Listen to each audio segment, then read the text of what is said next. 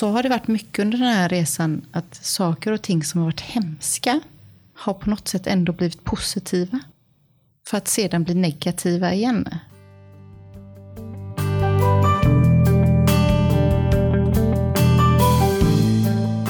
Dagens gäst i Salgrenska podden heter Sandra Johansson och jobbar på förlossningen. För sex år sedan födde du tvillingar i vecka 25. Och du gjorde det på jobbet dessutom. Sen följde 100 dagar på sjukhuset innan barnen äntligen fick komma hem. Det här perspektivet du har fått nu att gå från att vara, arbeta på en, på en förlossningsavdelning på specialförlossningen och till att själv bli patient. Det, det är klart att det måste ha gett dig massa tankar. Det har det gjort. Du, kan vi, som det brukar heta, ta det från början. ja. Vad, vad hände? Ja, det är rätt så roligt. Vi eh, har två barn innan som är stora, väldigt stora nu. Då var de, eh, de blev 13 och 11 år. Eh, så att vi var klara på den här biten. Vi skulle inte ha fler barn. Min man är lite rädd för sjukhus och det här, men han skulle egentligen ha steriliserat sig. och så blev det en liten hoppsan. Och så visade det sig att eh, det var gravid och eh, det var tvillingar. Det fick vi reda på väldigt tidigt. Blev sjukskriven tidigt. Just för att det var enäggstvillingar och lite komplicerat. Så jag sprang ändå på mitt jobb just för att bli lite ompysslad. Eh, och sen, Vad, var det för, vad hade du för symptom då så att säga, som gjorde att du behövde vård tidigt? Dels så såg man att de delade blodkärl, moderkakan, så att de eh, tvilling till tvilling transfusionssyndrom heter det. Så då vill man ha koll på det, så då följer man dem väldigt tätt. Man kollar så att de växer bra och sådär. Men eh, sen så en dag så jobbar min man eh, hos sin kusin och skulle bygga altan på kvällen. Och jag var jättetrött. Eh, och gnällde lite på mina stora barn, för de var som små iglar på mig, vilket de inte brukar vara. Så jag säger, jag ringer till min man och säger, Tony du får komma hem och laga mat. Jag orkar inte och ungarna är skitjobbiga. Så han kommer hem lite sådär halvirriterad och man hör hur han tar upp den här matpåsen från Ica och smäller på diskbänken. Så visar lite att jag har minsann jobbat hela dagen. Och då säger jag, flytta på er, jag, må, jag måste gå ut och hjälpa pappa. Men precis när jag ställer mig upp då så säger det bara pang. Så mina barn blir blöta ända upp till knäna utav fostervatten. Och blir jätterädda. Så den ena ungen springer ut genom balkongdörren i vardagsrummet, den andra ut genom kökets balkongdörr. Dessutom så passade vi en hund som tyckte att det var, hade kommit till en fest. Det var ju jättemumsigt. Min man var inte sur längre. Ehm, jag går in på toaletten. Jag gör omedvetet rörelser som jag inte riktigt tänker på. Jag känner efter om de har kommit. Jag tar min hand mellan benen. Ehm, jag går in där på toaletten, byter om, får, hänger en klänning som jag tar på mig. Och när jag kommer ut så är svärmor redan på plats. Eh, vi försöker lugna ner barnen. Och så sätter vi oss i bilen och där ringer jag mitt jobb. Som reagerar. Jag säger hej, det är Sandra, jag, jag är på väg in. Vad kul! Har du bakat? Nej, det hade jag inte. Men kände du, Känner du oro då förstås? Det var för tidigt. Nej, alltså min man är ju så rädd för sjukhus. Så jag gick in i någon slags jobbroll. Jag skulle ju då lugna han. Sen så gick det oerhört snabbt. Jag får dropp, får försöka stoppa det, men när vi kommer in i förlossningssalen sen så är det igång. Så det går väldigt, väldigt fort. Någonting som skiljer dig kanske från många som föder barn. Alla, alla vet väl vad det kan innebära kanske att föda barn för tidigt, riskerna med det och så. Det vet man väl på någon sorts övergripande, men det, det är kanske ovanligt att ha en sån förståelse. Du vet ju verkligen vad som kan hända när man föder barn väldigt för tidigt. Du har ju sett både när det går bra kanske och när det går dåligt kan jag tänka mig. Eh, Så när insåg du liksom, okej, jag kommer att bli en av de här som föder barn mycket för tidigt, väldigt tidigt. Det gjorde jag nog redan hemma när vattnet gick. För det var så extremt mycket vatten. Ehm. Men för att skydda mig själv så gick jag nog in i min jobb, jobbroll. Dels för att kunna få stöd av min man så var jag tvungen på något sätt att stödja han först. Tror jag i alla fall. Det var så jag tänkte. Ehm. Men när jag tänker tillbaka idag så har jag svårt att bena ut minnena om det är jag som ligger i förlossningssängen eller om jag står bredvid det. För man har så mycket andra minnen så det är lättare att tänka på förlossningen och vara personal. För det har jag ju fler erfarenheter utav än att vara patient. Fast jag vet att det var jag som låg där.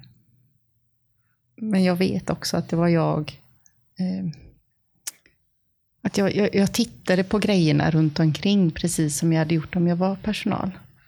Men du, eh, hur gick det sen då? Sen... Ja, det gick ju väldigt, väldigt fort. Eh, det är en minut mellan dem. När första barnet kom, hon heter Bella, så eh, följde Ingela, min kollega, med och min man med ut till barnsalen. Där läkaren var beredd. Och sen en minut senare så kom den lilla skruttan som heter Lilly. Hon var ju ännu mindre och dessutom blivit lite klämd så hennes arm var som, ja, lite som en, som en sån här godissnöre som var tillplattad och, och vit. Alltså den såg lite slemmig ut. Trodde man ju att det kommer aldrig kunna bli en fungerande arm, men det, det blev den. Ehm, jag hann ju bara se dem bara någon minut var. Sen så var ju de ute ur rummet. Mm. Hur stora var de då? Bella nummer ett, hon var relativt lagom för att komma i den veckan. Hon var 700 gram. Medan eh, Lilly var 580 gram. Så hon var, hon var liten och tunn framförallt. Hon hade inte fått så mycket att växa på, för det hade ju gått till Bella. Sen så åkte de upp till Neo. De eh, blev intuberade, fick respirator. De fick eh, lite slangar. Eh, de fick eh, navelkateter, heter det. Där de får näring och man kan ta blodprover och så. Rätt så illa.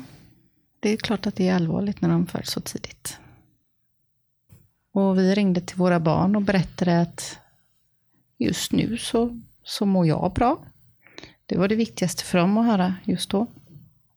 Och tjejerna, de, de mådde väl rätt så bra under omständigheterna får man väl ändå säga. Ehm, men jag sa det att de, de är så små och sköra, så även om det är någorlunda stabilt just nu, så vet vi inte vad som händer. Det är för tidigt. Men de behöver ha namn. Och de behöver ha namn nu, för de kan inte ligga uppe på neo i de här stora plastkuvöserna utan namn. De måste få veta att de har syskon och att de har mamma och pappa och då, då har de namn. Och då säger våra barn, när de får frågan, och säger de nästan samtidigt att de ska heta Bella och Lilly. Och så blev det. När fick du se dem igen då? För då, då togs de ju in till intensivvård är det ju. Mm, det är det. Som förälder får du se dem en gång. Så fort du kunde knata upp. Mm. Första gången jag fick hålla dem, eller jag fick hålla Bella först, eh, då var hon fem dagar. Och jag, ja, det var så skönt. Man går på helspänn dygnet runt de här dagarna. Och när jag väl får upp henne på bröstet så eh, givetvis så gråter jag. eh, sen så somnade jag. Eh, och jag vaknade till av att en, en undersköterska som jobbar på Neo kom med ett lakan och bäddade in mig. Så att jag fortfarande hade, låg själv bra, men också att Bella låg bra. De tejpade ju fast eh, de här slangarna. För då hade Bella gått över till CPAP, ett annat sätt att andas på hon behövde inte respirator. Och då är det lättare att få ut dem. Det går att få ut dem med respirator med, men den är lite känsligare då. Med den här särskilda insikten och kunskapen du har så kan man ju tänka att det skulle kunna gå att det gjorde dig mer orolig för att du vet liksom vad som kan gå fel. Mm. Men när du beskriver det låter snarare som att det har gjort dig bara mer trygg. Jag tror och... kunskap är alltid bra. Jag tror det. Ehm, jag vet att jag försökte visa Tony lite att det är nog dags att börja prata om det här för att de kommer nog komma för tidigt. Fast inte så här tidigt. Det trodde jag ju aldrig. Men jag ville visa han bilder på hur såg det ut på neo. Hur såg en kuvös ut och hur, hur ser så små bebisar ut som kanske runt vecka 30. Vi hann inte riktigt komma dit.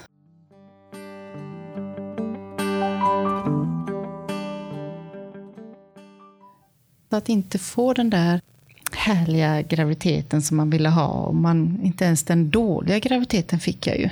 Jag fick ju ingen graviditet. Och det är också en sorg som man faktiskt ibland glömmer. Eh, varför man inte riktigt kan glädjas när man ser en annan gravid mage där. När man själv går med vagn med syrgastuber. Mm. Så är det... Alltså, andra kan ju inte hjälpa att de är gravida och så. Det, men det, det provocerar lite. Det finns så mycket föreställningar det här. Det är normalt. att Det, det ska ju mm. vara på ett visst sätt när man får barn. helt enkelt. Så är det. Och det är nog jättemånga som inte av olika anledningar inte upplever det enligt normen på Nej, sätt. Så är det ju. Men uh, mm, hur tog ni er igenom den här tiden då? Ni vande er säger du eller? Ja. Först var man ju på sjukhus då i så, så pass länge. Och där var det ju apparater.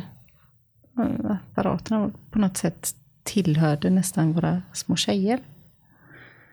Det var det de var. De behövde ha apparater runt sig.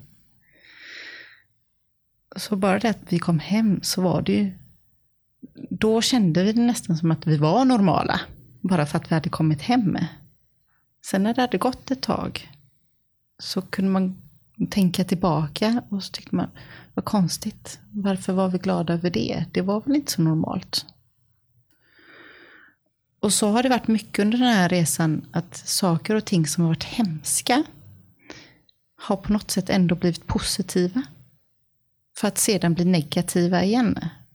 Jag har ett rätt så bra exempel på att, eh, nu kommer jag inte ihåg om det var Bella eller Lilly som skulle få en blodtransfusion igen. Och då möter vi ett annat par som också har barn på neo. Och de frågar, hur är läget? Jo, det är, det är bra. Lilly ska, jag tror det var Lilly, ska få blod idag. Ja, vad skönt. Då är hon pigg ikväll. Var deras kommentar. För deras barn hade ju också fått blod vid vissa tillfällen. Och så går man upp och så är man glad över att ens barn ska få blodtransfusion. Det är ju jättekonstigt. Varför är man glad för det? Då, för då är det ju faktiskt någonting som inte är helt okej. Okay. Sen när man hade kommit hem och man, man bearbetade liksom i omgångar, så upptäckte man när man läste sin lilla dagboksanteckningar, när man tänkte att vi var så glada. Och då fick man börja bearbeta det. Att man hade varit glad för någonting. Så bearbetningen av att gå igenom en sån här resa, den sker stegvis om och om igen under den här resan så har det varit några kris, någonting du minns liksom där du har tänkt så här, hjälp, det här, det kanske mm. inte kommer att gå hela vägen detta. Mm. Jag tror eh, det var Lilly som var, var runt två veckor gammal. Eh, då kallade vi det att hon var i vecka 27. Och fick en rätt så kraftig infektion. Som de inte riktigt visste vad den berodde på. Och då får jag frågan om, eh, om vi vill ha ett nödop eller hur vi ställer oss till nödop. Och det var bara nej från min sida. För att det, det, var för nära det som man inte ens vill uttala att de kanske inte klarar sig. Och dessutom så hade vi precis också fått reda på att eh, en kompis till oss som är präst som har döpt våra stora barn och vigt oss. Han flyttade sen ner till Lund. Och han har haft den filosofin att vill man bli vikt av honom eller döpt med honom, då ska man komma ner till hans församling. Så han åker inte iväg själv.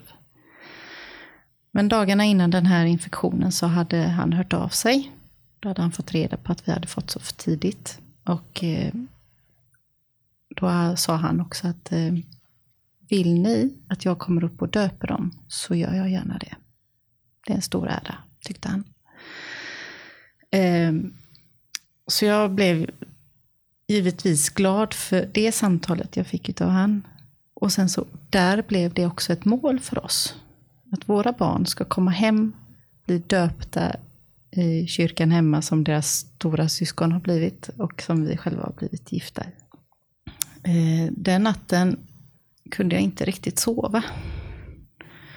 Och jag sprang upp till eh, rum sex på Neo.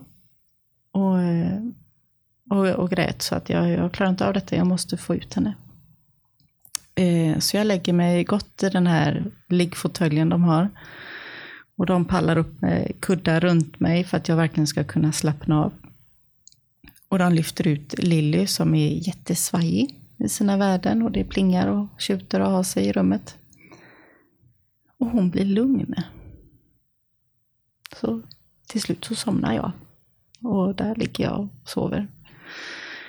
Med henne på bröstet. Och de kommer fram och de, de tar blodproverna som de ska göra. Och de gör kontrollerna på henne som de ska göra. Men hon mår bra på mig. Och jag mår tydligen väldigt bra av henne. Den gången så låg jag 18 timmar i sträck. Och sen sakta men säkert så vände hon hennes infektionsvärden. Jag vet inte, på något sätt så, så tror jag att man hjälper till av att ha dem nära. Mm. Att det finns någonting mer än bara den medicinska biten. Det, ja, jag tror att vi kan hjälpa våra barn mycket genom att bara vara där. Hur är det med dem idag? Idag har de precis börjat i förskoleklass. Eh, helt fantastiskt. De mår jättebra, och cyklar och skojar och har sig. De eh, misstänker att de kommer ha lite svårt med inlärning, läs och skrivsvårigheter. Men eh, ingenting som vi har märkt av hittills. Eh, vilket är helt okej. Okay. De kommer kunna gå i sin klass. De fungerar jättebra socialt. Det är nästan den stora delen kan jag tycka, att fungera socialt. Och det gör de, där har de inga problem. Eh, Lille har lite tufft när hon springer och så med sina lungor. Det är väl det vi ser på henne. Och Bella har sin shunt efter hjärnblödningarna. vad är en shunt? Det är när man opererar in en fjäder i hjärnan, i ja, huvudet för att eh, lätta på trycket eller på ja, något sätt. precis. Det är en ventil. Vad säger, vad säger de själva? Vad vet de själva om sin... Liksom... De vet rätt så mycket själva. Eh, att de, har, de kallar sig själva för pyttepyttebebisar. De vet om att alla inte bor på sjukhus den första tiden. Eh, den gången Vi har så varit noga med att berätta för dem hur det har varit. Men också berätta för dem att man får välja själv om man vill berätta det för kompisar eller inte. Du och de andra barnen då? Hur tog de det? Och de bodde med kanske på någon McDonalds-hus då? De bodde mest hemma. De gick ju i skolan. Mm. Ehm, och så var de hos oss på helgerna. Mm. Ehm, och ibland någon var där. De fick träffa sina småsyskon dagen efter. Så kom de till sjukhuset och skulle träffa dem. De är ju lite blåaktiga i skinnet, de här små bebisarna. Och inte så proportionerliga, så de har ju ett rätt så stort huvud till en liten kropp. Så vi hade sagt till personalen att våra stora barn skulle komma. Och eh, de låg där, de hade ett ny liten filt på sig och sådär. Det är så snyggt och fint inne i kuvösen. Och de går in och tittar och de de ser eh, CPAP och de ser eh, respiratorn och de ser det här lilla huvudet. Sen så ligger ju den här tunna, tunna filten på kropparna som är så tunna så att man Ja, man ser inte så mycket mer än det här huvudet och respiratorn och CPAPen. Eh, och de går in och tittar någon minut bara och sen så vill de gå ut. Då går vi ut med dem i korridoren. Och så sitter vi och pratar lite om tjejerna. Och så säger jag att nu ska de byta blöja. Har de blöja på sig? Säger min son Lia. Ja, vill du gå in och se? Säger jag. Ja, det ville han ju då för att han vill ju se hur en sån liten blöja såg ut. Och då när vi kommer in så håller de på med Lilly. Och de hade precis tagit bort den här lilla filten. Och då utbrister han. Nämen, hon är ju hel. Och det, var, det var så hemskt att höra. Där hade vi försökt göra det fint för mm. dem. Och lägga på de här nya fina filtarna. Och han hade bara sett ett huvud. Mm. Ganska typiskt, är det inte det? Jo. Man tänker man ska skydda barnen lite ja. på något sätt. Eller? Precis. Eh, så det var jättehemskt tyckte jag. Eh, det är klart att hon är hel. Så han var jättenöjd med det. Medan min dotter ville inte gå in och titta igen. Hon tyckte att eh, de hade skräckögon. Man ser ju inte så mycket av ögonen. Dels så är de ju så pyttesmå. Och sen så blir de alldeles svarta tyckte hon. Så att, nej, hon vill inte. Och hon knöt heller inte an. Hon knöt an först sen första julen. De ligger och leker vid babygymmet. Och hon låg bredvid dem. Och så ser jag att, men gråter du Amanda? Nej, men tårarna rann. Så vad, vad är det då? Varför tyckte jag inte om dem? Mm. Men då var, hon, då var det ett halvår. Var tjejerna. Jag vet att jag pratade med dem och sa, men hur kände du då? Eller vad känner du nu? Och då sa hon att hon tyckte om dem som kusiner. När hon var på sjukhuset. Det tyckte jag var jättefint. För hur, hur ska hon kunna knyta an som träffar dem så lite och de såg så konstiga ut? Idag har de bra kontakt.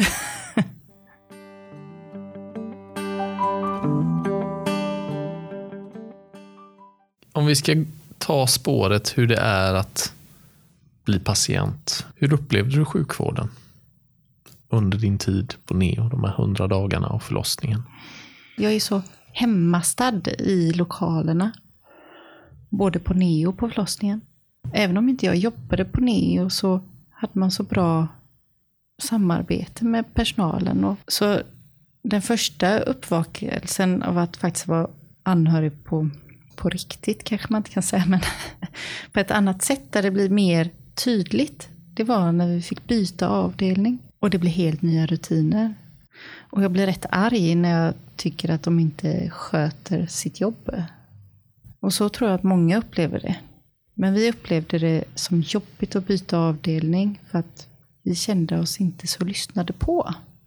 För att någon gång fick vi höra att, ja ja, men ni kommer ju från Neo, den där, de är lite hysteriska där uppe. Och där, det är ju bara ett jättefel. Så får man aldrig säga som personal och klanka ner på en annan avdelning. Där får man bara hålla god min.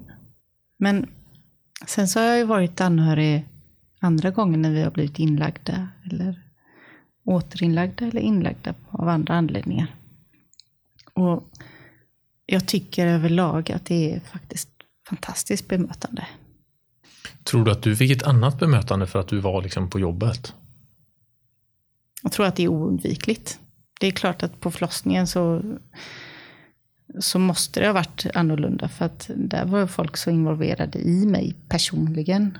Så att det är klart att det blir ett annat bemötande. Men jag tror inte att jag fick någon annan vård.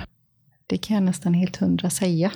Vad har du fått för tankar då kring det här byta avdelning? Då känner du dig inte lika hemma eller? Och det är klart det där oavsett så är det väl säkert många av våra patienter som kan känna igen sig i det där. Mm. Det, är, det bemötande, det vet vi ju. Det är ett område där vi kan bli bättre och det kanske inte alltid ens är fel men det är en ny miljö och det är mm. nya regler som gäller och det är inte lätt att Nej. känna sig hemma direkt. Det är svårt. Det är jättesvårt att byta en avdelning. Jag har tänkt många gånger på hur man skulle kunna göra det smidigare för patienten eller anhöriga. Och jag tror att man, man kanske inte ska lämna över en patient utan man kanske ska hämta en patient. Då ser man, om jag som personal kommer till en avdelning, så ser jag lite hur det är där. Jag får en känsla. Och jag kan också sätta mig ner där och berätta att de här rutinerna har vi på den nya avdelningen. Då är man lite förberedd. Jag tänker att det skulle kunna vara en förmildrande omständighet för patienten. Det ligger något bara i orden där, gör det inte det? det är att, ja. att du blir lämnad som ja. patient eller att vi kommer och hämtar dig. Ja. Det skickar ju väldigt olika signaler mm. egentligen. Kanske inte är så dum idé. Nej, jag tror inte det. Det är en rutin som kräver lite att jobba på kanske. Men det får du möjlighet att göra nu, för jag ska fråga dig om du skulle vara sjukhusdirektör för en dag, vad skulle mm. du göra då? Mm. Ja, det finns ju så mycket jag skulle vilja göra. Jag värnar ju väldigt mycket för de här pyttepyttebebisarna, som vi kallar dem för. Men samtidigt så värnar jag också väldigt mycket för vår personal. Att de ska ha rätt redskap för att kunna hantera jobbiga situationer. Att de ska våga bemöta.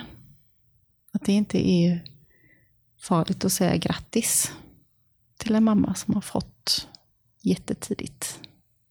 Så jag sjukhusdirektör en dag, ja men då hade det nog varit att förbättra arbetsmiljön i stort. Det är ju jättetråkigt svar.